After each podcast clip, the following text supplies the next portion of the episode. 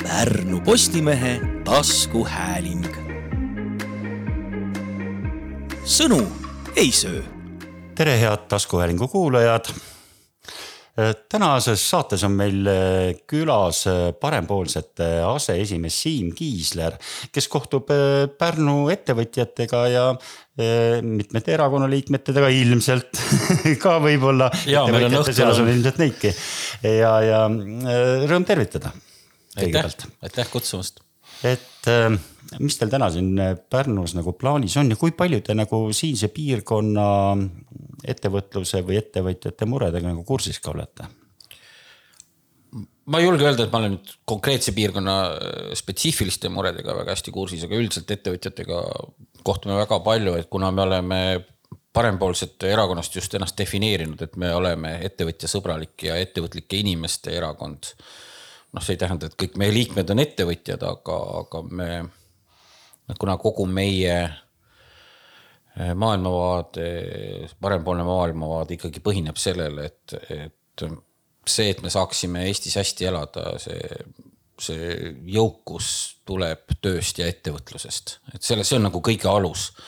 Et loomulikult on vaja haridusele kulutada ja julgeolekule kulutada, aga see see raha, mida sinna kulutada, tuleb kõik ju ikkagi ettevõtlike inimeste tööst ja ka teiste inimeste tööst, kes saavad seda teha tänu sellele, et ettevõtjad on need töökohad loonud, eks ole et ähm,. ma segan korraks ja. vahele, et, et enne kui võib-olla läheme selle nagu, kuidas siis ettevõtjaid aidata või, või, või majandusseisust võib-olla ka rääkides, et ja. see on teile väga, teie erakonnal nagu väga südamelähedane teema ehm,. aga et Pärnumaa parempoolsetest nagu ei ole kuulnud midagi. on, ähm, oli valimiste ajal küll siin ähm, paar inimest, kes kandideerisid, aga, aga rohkem nagu suuremast rakukesest või, või, või, või organisatsioonist või nende tegevusest ei tea tegelikult midagi, et kuidas teil läheb siin Pärnumaal? Eks me oleme jah, sellise ikkagi ehitamise järgus. Riigikogu valimistel meil tõesti oli täisnimekiri väljas ja ka siin olid kandidaadid, Kaarel Kose oli esinumber. ja aga nüüd noh, kes on minu arust selline meil väga särav nagu eestvedaja siin kohapeal olnud, on Greta Pukk. Ja, ja nüüd täna õhtul meil ongi siis liikmeõhtu, kus me siis arutame ka sellise piirkonna moodustamist edaspidi ja, ja ka kohapealsete liidrite valimist, et, et. teil, kui suur see seltskond siin on? et teil oleks kellega rääkida. kellega rääkida jah, et kes siis on mhm. jah, õige küsimus, et kes on parempoolsete nägu Pärnumaal, eks ole, et äh, oluline ja, ja Pärnu linnas ka. et oluline küsimus kindlasti, et äh, mõne aja pärast on, kui on siin kohapealsed inimesed oma liidrid ära valinud, siis on selle nagu parem vastata aga jah, tulles tagasi nende Pärnumaa teemade juurde laiemalt, meil on siin liikmed ja, ja kes muidugi, liikmed on muidugi Tõstamaalt kuni, kuni Häädemeeste ja, ja Lääneranna vallani, aga, aga noh, eks need ettevõtjate mured üldiselt Eestis on üsna sarnased praegu ja no mis ma oskan öelda, eks ma Pärnumaa asju tean tänu oma varasema töökogemuse tõttu, et ma olin väga pikalt regionaalminister.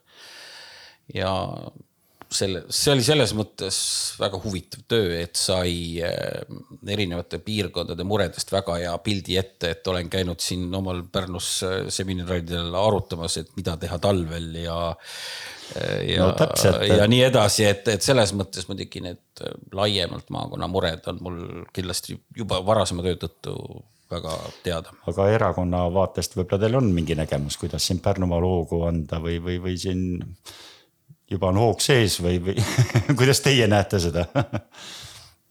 No ma näen seda, et noh, kui me räägime, eks ole, siin Pärnumaast räägitakse, alati hakatakse turismisektorist rääkima, eks, et ähm, sellised äh, ilmselt väga kunstlikud asjad, et kui me siin noh, on suuri lootusi pandud lennu, lennuväljale ja nii edasi, et noh, et niimoodi väga kunstlikult äh, tihti ei õnnestu, et pannakse nagu hästi palju ressurssi ja nähakse palju vaeva.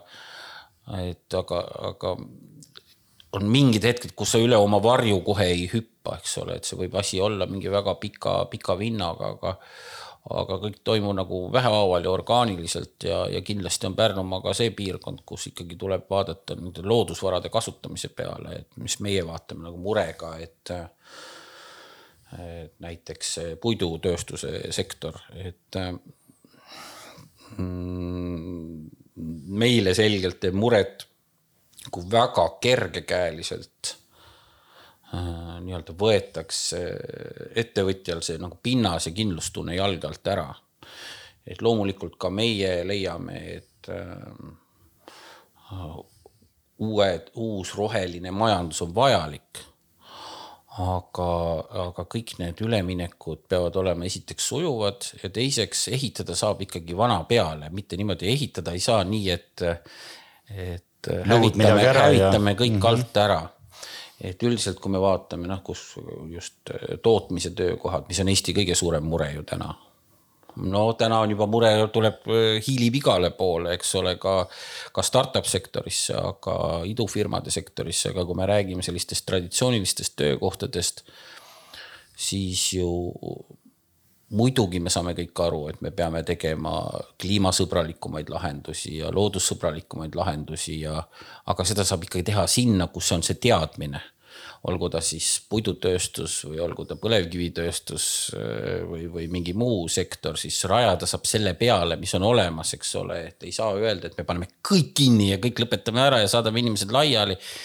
et, äh, et äh, edukad on ikkagi need riigid, kes oskavad sedasama näiteks puitu rohkem väärindada, muud loodusvara rohkem väärindada, kui me räägime ka, ka karjääridest või millest iganes, et ettevõtjal peab olema mingi kindlustunne, et ta saab aru, kuhu asjad lähevad. ja seda me näeme üldiselt praegu, et äh, ettevõtjad ei näe, kuhu, kuhu, kuhu see kõik liigub, ei saa aru mm. -hmm. aga räägimegi siis natuke praegusest nagu sellest majandusseisust ja valitsuse ja riigikogu tegemistest ka natukene, et, et kuidas teie kõrvalt näete, et noh eelarvet pannakse kokku praegu, noh, riigikogul ta veel esitatud ei ole, aga tegelikult olulisemaid punkte me sealt juba teame ja, ja samamoodi selle kahe tuhande kahekümne viienda aasta maksuaugu kohta, milles on täiesti teadmatus, see tuli nagu täiesti üllatusena, et, et valitsus või valitsuserakonnad ei, ei tea, kuidas seda äh, täita. Et äh, kuidas parempoolsed näevad, mida tegema peaks, mida tehakse praegu valesti ja mida teie paremini teeksite näiteks? no ma tuleks kõigepealt selle aasta eelarve juurde, mis võeti äh, möödunud aasta lõpus vastu, mis tehti selline valimiste eelarve. see oli tegelikult üks selline äh, imelik ja pöörane aeg Eestis, et äh, kui võeti eelmise aasta lõpus selle aasta eelarvet vastu ja siis räägiti veel valimiskampaanias, noh et kõigepealt see, mis selle, selle aasta eelarvesse tehti, et väga palju tõsteti pensione, erakorraliselt palju, mitte kunagi ei ole Eestis nii palju pensioni tõstetud, kui siis, kui erakorraliselt tõsteti. kõik muud igasugused sotsiaaltoetused, perede toetused, kõik nii. Ja siis mindi valimiste, valimiskampaaniasse öeldi, et me teeme veel kõike, kõike sedasama ja veel kümme korda rohkem, eks ole. ja no meie vaatasime seda pealt äh, lihtsalt hämmingus kõrvalt, et äh, meie sõnum oli, meie sõnum oli mõistuse hääl ja meie ütlesime inimestele, et teate, me ei saa seda kõike lubada, sest selleks kõigeks ei ole raha. et saage aru, seda raha ei ole, mida nad teile lubavad. noh, siis olid valimised ära, need tublid lubajad said väga palju hääli tõid oma tulemuse koju, ütlesid, aga näete, raha ei ole ju, et me, me ei saagi seda täita, mida me lubasime, et. Ehm, noh, meie loodame ja usume, et inimesed nagu tagantjärgi mõtlevad, et, et need, kes siin väga palju lubasid, et nende sõnad ja teod ei, ei lähe lihtsalt kokku ja ei, ja ei saanudki kokku minna. sest seda raha tõesti, mida nad lubasid, ei olnudki olemas. ja nüüd siis see muidugi, eks need eelmised aastad ka juba, aga noh, eriti nüüd see viimane, selle aasta juba, kui seda eelarvet kokku pandi, siis seal ikka põrutati täiega üle. ja nüüd siis noh, osa makse tõstetakse juba järgmisest aastast. aga seda kõike lappida ei õnnestu. ja need viimased sõnumid, et äh, ei saagi aru, mida me siis kaks tuhat kakskümmend viis teeme. Noh, ma olen ise äh, öelnud selle kohta, et äh, kui meile väidetakse, et tuleb tinglikult laiapindse julgeolekumaks, siis mina nimetan seda laiapindse peataolekumaksuks, et lihtsalt täielik peataolek. aga tegelikult kuvab sellest läbi see, et Kaja Kallase valitsus mõtleb nii, et saaks kuidagi järgmise aasta eelarve vastu võetud, kaks tuhat kakskümmend neli nagu kuidagi kaelast ära nii nagu enne valimisi mõeldi, et saaks need valimised kaelast ära, nüüd mõeldakse, saaks kaks tuhat kakskümmend neli eh, kaelast ära ja siis vaataks edasi, et kus siis raha saab või kus siis otsime või mida siis teeme, et, et toimub selline ka probleemide nagu selge edasilükkamine. ja see sisu on ju ikkagi see, et kui on peredel raske aeg, ettevõtetel raske aeg, siis peab ka riigiaparaat aru saama, et peab kokku tõmbama. no täpselt, mida me siis tegema peaksime, et milline näiteks parempoolsete vaade on või et, et me noh, seda seisu enam-vähem teame, mis siin on, et milliste probleemide ees oleme ja, ja mis meid ees ootab, aga aga noh, keegi peaks nagu midagi ette ka võtma või, või kuidagi kuskilt, kas tõukama andma mingisuguseid soovitusi, toetama või mitte toetama. ma ei tea, mida te. meil viimane tõsine masu oli kaks tuhat üheksa, eks ole. ja siis ikkagi. ei ole paraku. väga karmilt kärbiti ja kärbiti, kärbiti riigiaparaati, aga vähendati ka, ka muid toetusi, et ja noh, meil on nüüd neliteist aastat mööda läinud ja veider, kuidas siis enam ei suudeta, et nüüd räägitakse sihukest juttu, no see on ju kui need, mis ettepanekud nüüd tulid välja, siis ettepanekud nii-öelda kärpimiseks, siis kraabiti kokku siis äh, mingi tühine nelikümmend miljonit ministeeriumite peale, aga noh, tegelikult siis suured jälle, jälle joonistati, et me päriselt kärbime kolme aasta pärast või kahe aasta pärast, et noh, tehti jälle sihukest äh, äh, noh Potjomkini küla või no tegelikult äh, joonistati kuhugi tulevikku mingeid kärpeid, mida, mida ise keegi ei tea, kuidas täita, ei tea, mida maksustada, ei tea, kust kärpida. et selline on tõesti peataolek ja, ja no midagi ei ole teha, vahepeal tuleb valusaid otsuseid ka teha. ja üldse vot selle riigiaparaadiga on selline asi, et äh, noh, see on nagu hekk, eks ole, et ta peab noh, iga iga elus organism, mis on elujõuline, tahab kasvada ja laieneda ja ka iga organisatsioon tahab kasvada ja laieneda, iga ettevõte, iga muu organisatsioon ja riigiasutustega on samamoodi. et kui ta on tugev ja elujõuline, siis ta kasv, tahab kasvada laiemaks, tahab rohkem endale vastutust saada, ametnikud tahavad endale suuremat vastutust, suuremaid valdkondi, rohkem võimu. see on loomulik, kui sa oled elujõuline, siis tahadki seda ja, aga siis peabki kärpima, nii nagu hekki peab aeg-ajalt, see kust see kärpimise sõna tuleb, eks ole, et kärpimine ei tähenda seda, et me mõtleme, kuidas teda nüüd vaikselt siia edasi levitada. kärpimine tähendab seda, et me võtame käärid kätte ja lõikame oksad otsast ära, on ju, et äh, midagi ei ole teha. et see aianduslik kärpimine, see muidu, muidu hekk võtab sul aia üle varsti, eks ole, kõik lillepeenrad, kõik hävib, sellepärast et sul tuleb see taim tuleb, võtab igalt poolt kõik üle, midagi ei ole teha ja, ja seda ja riigiaparaadiga samamoodi, sa pead aeg-ajalt neid kärpimisi tegema. see on lihtsalt loomulik osa ja sellepärast on ka see väljend, minu arust hea väljend, et eh, head kriisi ei tohi raisku lasta. et kriis on see võimalus, kus inimesed mõistavad, et neil on endal raske, siis nad saavad aru, et tuleb ka mujalt kokku hoida. aga meil ei taheta praegu sellest üldse seda tunnistada, et praegu on see hetk, kus saaks mingid valusad otsused ära teha. kui jälle head ajad tulevad, siis ei suudeta niikuinii seda teha praegu saaks ja, ja parempoolsed ei häbene välja öelda, et äh, tuleb ka selliseid otsuseid, üks asi on seda lihtsalt riigiaparaati kokku tõmmata, et äh, see on selgelt kasvanud, et kui me vaatame, kuidas Tööinspektsioon jõuab käia ettevõtjatega rääkimas, jõuab tänapäeval, kus töösuhted on, inimesed teevad kaugtööd ja kus iganes, kuidas siis eh, Tööinspektsioon käib ja, ja nõuab mingeid dokumente selle mm, tööruumide kohta ettevõtjatelt, kes ütlevad, et mul ei olegi tööruume piltlikult öeldes, näed. et kõik need mured, aga see näitab, et seda seda ressurssi on liiga palju riigiasutustel, nad jõuavad natuke liiga palju igale poole et kuskil on mingi optimaalne piir, et nii nagu kauplused ei pane iga poekülastaja järele turvameest käima, et äkki midagi virutab ära, on ju, nii tegelikult ka riigiaparaat peaks kuidagi ja, ja isegi need järelevalve peaks toimima kuidagi niimoodi mingis mõistlikes piires, et sa päris igale poole ei jõua.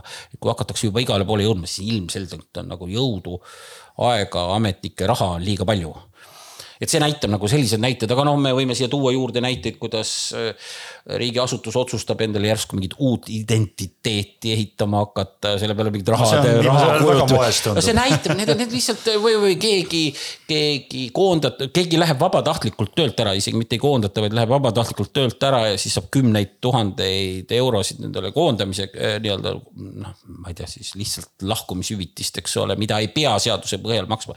no see näitab, et raha on raha on, et see paistab nagu igast otsast välja. et riigisektor elab meil jõukalt täna, võrreldes muuga ja no,, ja teine asi on ka muidugi jah. igasugused, tuleb ka muidugi valusaid otsuseid laiemalt teha, et näiteks tasuta ühistransport, no ei ole mõistlik. see rikub turgu, see solgib turgu, see tegelikult takistab erasektori arenemist transpordisektoris. no ta ei pea olema tasuta, sealt saab raha kokku hoida üürimaju riikliku rahastusega ei pea ehitama, sealt saab raha ära võtta. sotsiaaltoetusi tuleb teha vajaduspõhisemaks, ei ole mõtet maksta väga jõukatele inimestele peretoetust. kui see tema jaoks ta muheleb, ütleb, et noh, väike kopikas kulub ära ikka ja võtab selle raha ma saan aru, vastu. et siin on ka väga palju olnud, et süsteemid on nii keerukad, et erisustega nagu toetusi maksta lihtsalt, et, et selle ülesehitamine läheb nagu, nagu veel kallimaks kui selle toetuse väljamaksmine. minu arust on see ainult ettekääne, minu arust on see ainult ettekääne, noh, olles ise ka töötanud ministeeriumites, erinevates ministeeriumites, et noh, lõpuks arvutab sulle seda kõike üks mingi arvutiprogramm. et ei arvuta keegi käsitsi niimoodi paberi peal ega kalkulaatoriga neid tänapäeval. küsimus on lihtsalt jah, nõus, tarkvara muutmine võtab aega aga noh, mitte üle mõistuse palju aega, ühe eelarveaasta jooksul on võimalik kõik need muutused ära teha, ka arvutiprogrammid valmis kirjutada ja seadusemuudatused vastu võtta, see on kõik võimalik. see on ikka selle poliitilise tahte puudumine, tegelikult ei julgeta öelda, et miljonär võib-olla ei peaks peretoetust saama kuna te enne mainisite, et te olete eh, regionaalpoliitikaga olnud väga kursis, et, et, et loomulikult eh, pärnakad siin elavad ka Tallinnast hulga maad eemal ja Tartust ka samuti, mis on ka üks niisugused tõmbekeskused. et või Pärnumaa ise on nagu ka natuke kaugelt nurgakant pealinna jaoks, et, et kuidas te näete, kas eh, eh, peaks kaugemates piirkondades ka riigi poolt kuidagi seda vaatama niimoodi, et, et, et ka seal areneks mingi elu paremini, kui, kui, kui, et see ei, et kõik ei koonduks ainult kuhugi ühte kohta. kas on vaja sellist teie äh, erakonna vaatest mingit regionaalpoliitikat meil? on vaja ja on vaja selleks, et noh, igal piirkonnal on oma mingid konkurentsieelised või arengueelised ja noh, nendest tuleb võtta maksimum. Kui siinkandis on ilusad rannad, siis see tuleb panna. ilmselt varsti ka energeetika. inimeste kasuks tööle, eks ole, või, või energeetika, eks ole, või puhub tuul hästi mõne koha peal, siis tuleb see enda kasuks tööle panna ja inimeste jõukuse suurendamiseks tööle panna. aga olen käinud ka igasugustel rahvusvahelistel, mitte ainult Euroopa Liidus, aga ka laiemalt regionaalpoliitika ministrite tasemel üritustel. ja üldiselt ikkagi põhitõde on see, et regionaalpoliitika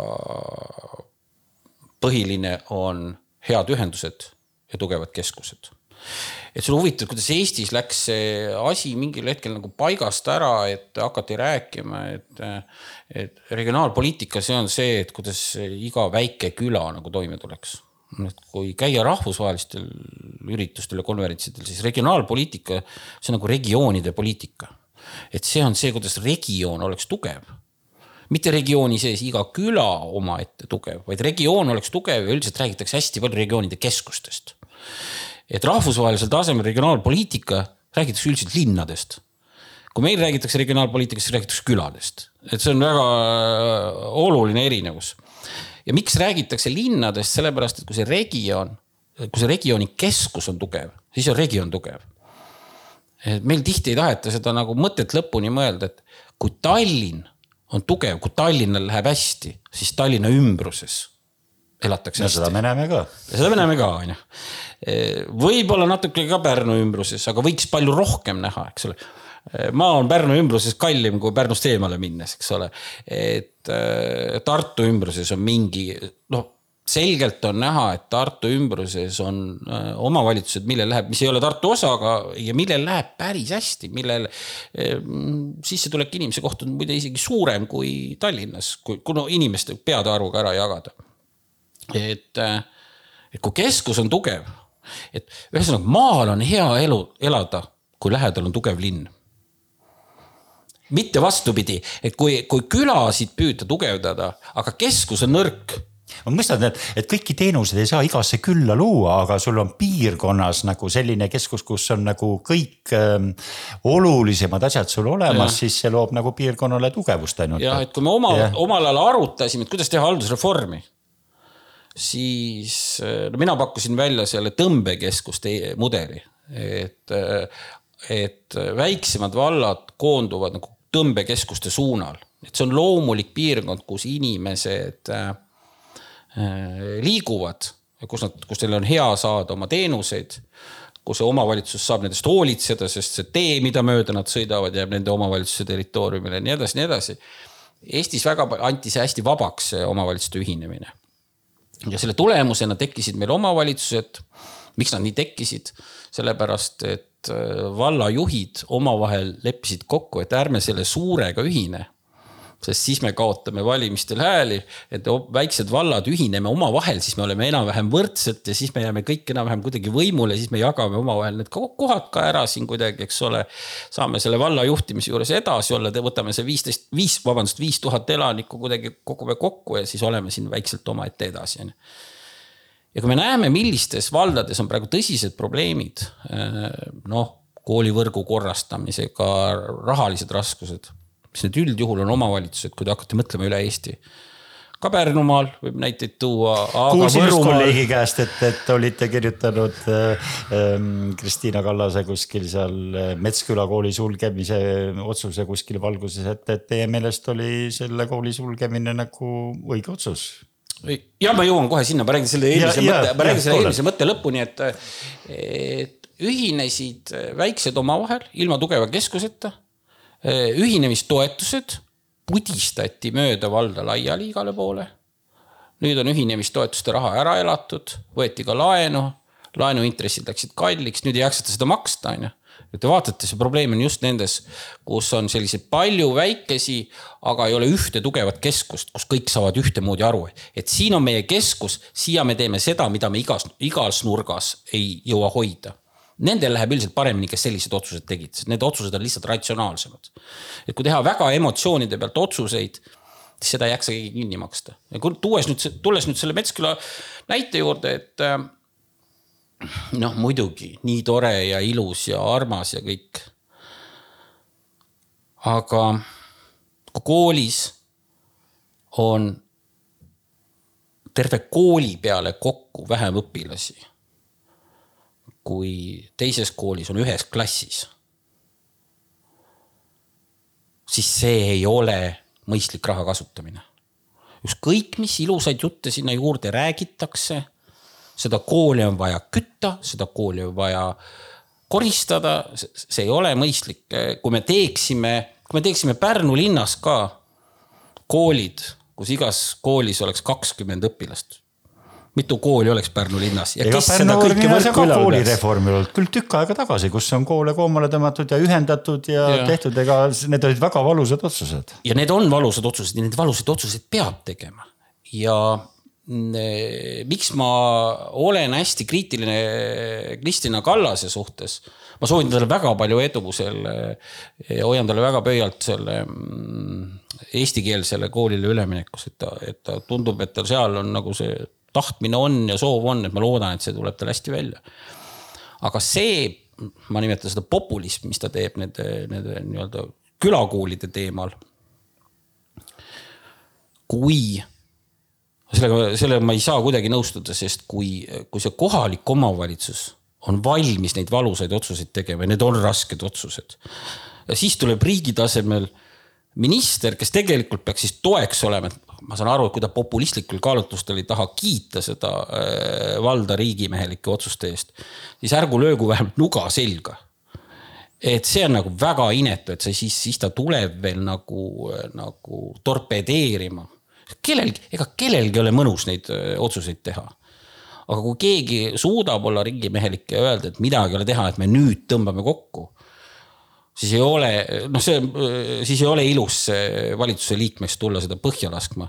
noh, eraldi teema on see kohaliku omavalitsuse mm, autonoomia mõiste, mis on ka väga oluline, et kui me Äh, kui omavalitsus teeb, on otsustanud koha peal, et me lähme niiviisi edasi ja siis valitsuse tasemel hakatakse seda põhja laskma, öelda, et me anname siin korraks mingit raha natukene ja nii. hakatakse nagu seda lõhkuma tegelikult seda otsust. Noh, siis on küsimus, milleks seda omavalitsust üldse vaja on siis. et äh, juhime siis kõike Tallinnast, et äh, kui meile, kui me ütleme, et meile kohaliku omavalitsuse otsused ei meeldi ja me tahame neist üle sõita, et äh, sa pead ikkagi respekteerima ka seda, mis koha peal otsustatakse. kuna te majanduse ja ettevõtjate eest te olete seisnud, ma tooksin nagu selle ettevõtjate ka, et, et kas te leiate, et nagu ettevõtjatel peaks ka Eesti riigis nagu kuidagi nagu rohkem vabadust olema või, või neid peaks rohkem kuidagi kammitsema, suunama mingis suunas või, või neid peaks hoopis toetama või, või. et kuidas üldse nagu riik peaks nagu ettevõtjasse suhtuma, et on siin nagu teil erakonnas ka mingisugune, mingi mõte või, või, või, või kõige olulisem nagu, mis, mis ettevõtja vajaks? sest ettevõtlus on oluline, see meile toobki erakonnana ütlesime juba valimiste ajal, et meil on vaja ettevõtlusrahu. Laske meie ettevõtjatel olla, laske neil, neil on niigi raske praegu eksport kukub, eks ole. Rootsis on raske, Rootsi äh, kliendid ei osta meie ettevõtjatelt nii palju kui varem. Neil on niigi raske ja nüüd sel ajal, kui me vaatame, siis valitsuse poolt tulevad pigem sellised ebakindlust tekitavat sõnumit, et me ei anna enam neid lube välja või me ei anna seda välja või me vaatame, keelame ära või paneme pausile või noh, siis maksudega niimoodi, et noh, me teeme mingi maksu. me veel ei teagi, mis maksu me teeme, aga me teeme teile mingi maksu, on ju. meile tundub, et kellelgi oli suur kasum, noh näiteks pankadel oli kasum. oi, noh seal ei ole kasum, teeme neile siis mingi maksu. et kas ettevõtja tahab, ega need, need, need on eh, suured investeeringud sõltuvad jõukatest inimestest, ega nemad ei peagi midagi tegema, nemad võivad eh, sõita Hispaaniasse ja mängida seal tennist. Nad ei pea üldse siin Eestisse investeerima, nende, nendel ja nendel lastel on eh, tulevik kindlustatud selles mõttes materiaalse poole pealt, et neil ei ole vaja siia Eestisse investeerida Nad ei pea seda tegema.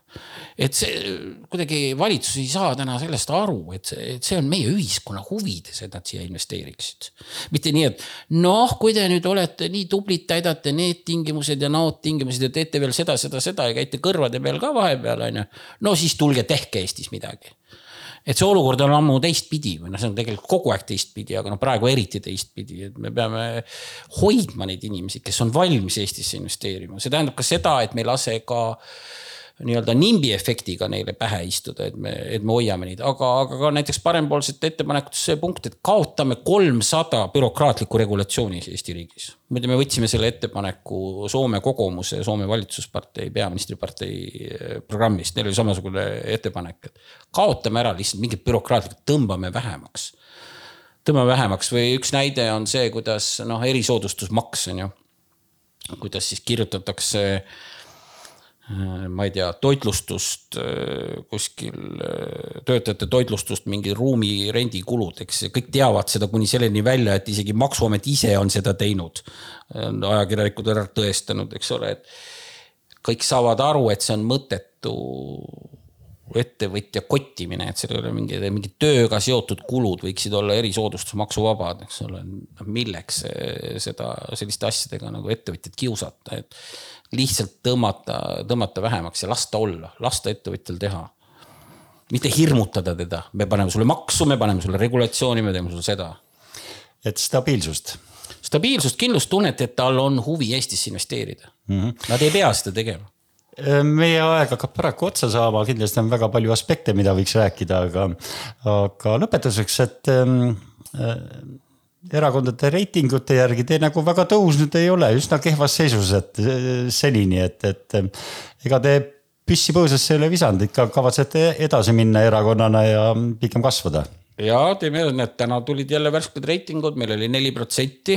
Mm, noh, tahaks, et oleks rohkem kõik üldiselt meile ütlevad, ka ajakirjanikud ütlevad meile palju, et noh, et teid ei ole näha ega kuulda. mu vastus selle peale, et ega. Te peate rohkem silma paistma aga ajakirjanikud peavad ka, vot me oleme võtnud selle joone, et me ei me ei, ma ei tea, me ei roni veoautokasti meeleavaldusel ja me ei tegele selliste nagu äh, selliste pro provokatsioonidega, et me oleme selles mõttes võib-olla natuke liiga igavad, et äh, räägime nagu päris asju, räägime tõsiseid asju, võib-olla peaks rohkem tsirkust tegema juurde, oleksime rohkem, saaks kergemini pilti, nagu öeldakse.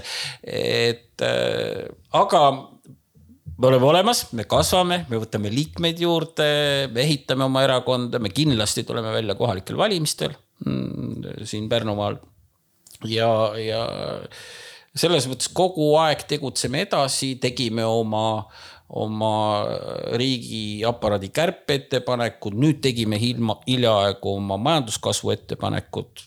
Need on tõsised ja võib-olla mõnele inimesele igavad dokumendid, aga seal taga on suur töö, palju töötunde, et, et me ehitame erakonda edasi ja me, me näeme, et Eestil on väga vaja sellist päris parempoolset erakonda, kes hoiaks neid väärtusi, mis on toonud Eestile edu üheksakümnendatel ja kahe tuhandendatel. et praegu sellist erakonda peale meie teist ei ole aga aitäh teile, et tänane saatekülaline oli siis parempoolsete aseesimees, on, oli nii, eks? ja, ja, ja Siim Kiisler ja mina olen Pärnu Postimehe arvamustoimetaja Raido Keskküla, kuulmiseni.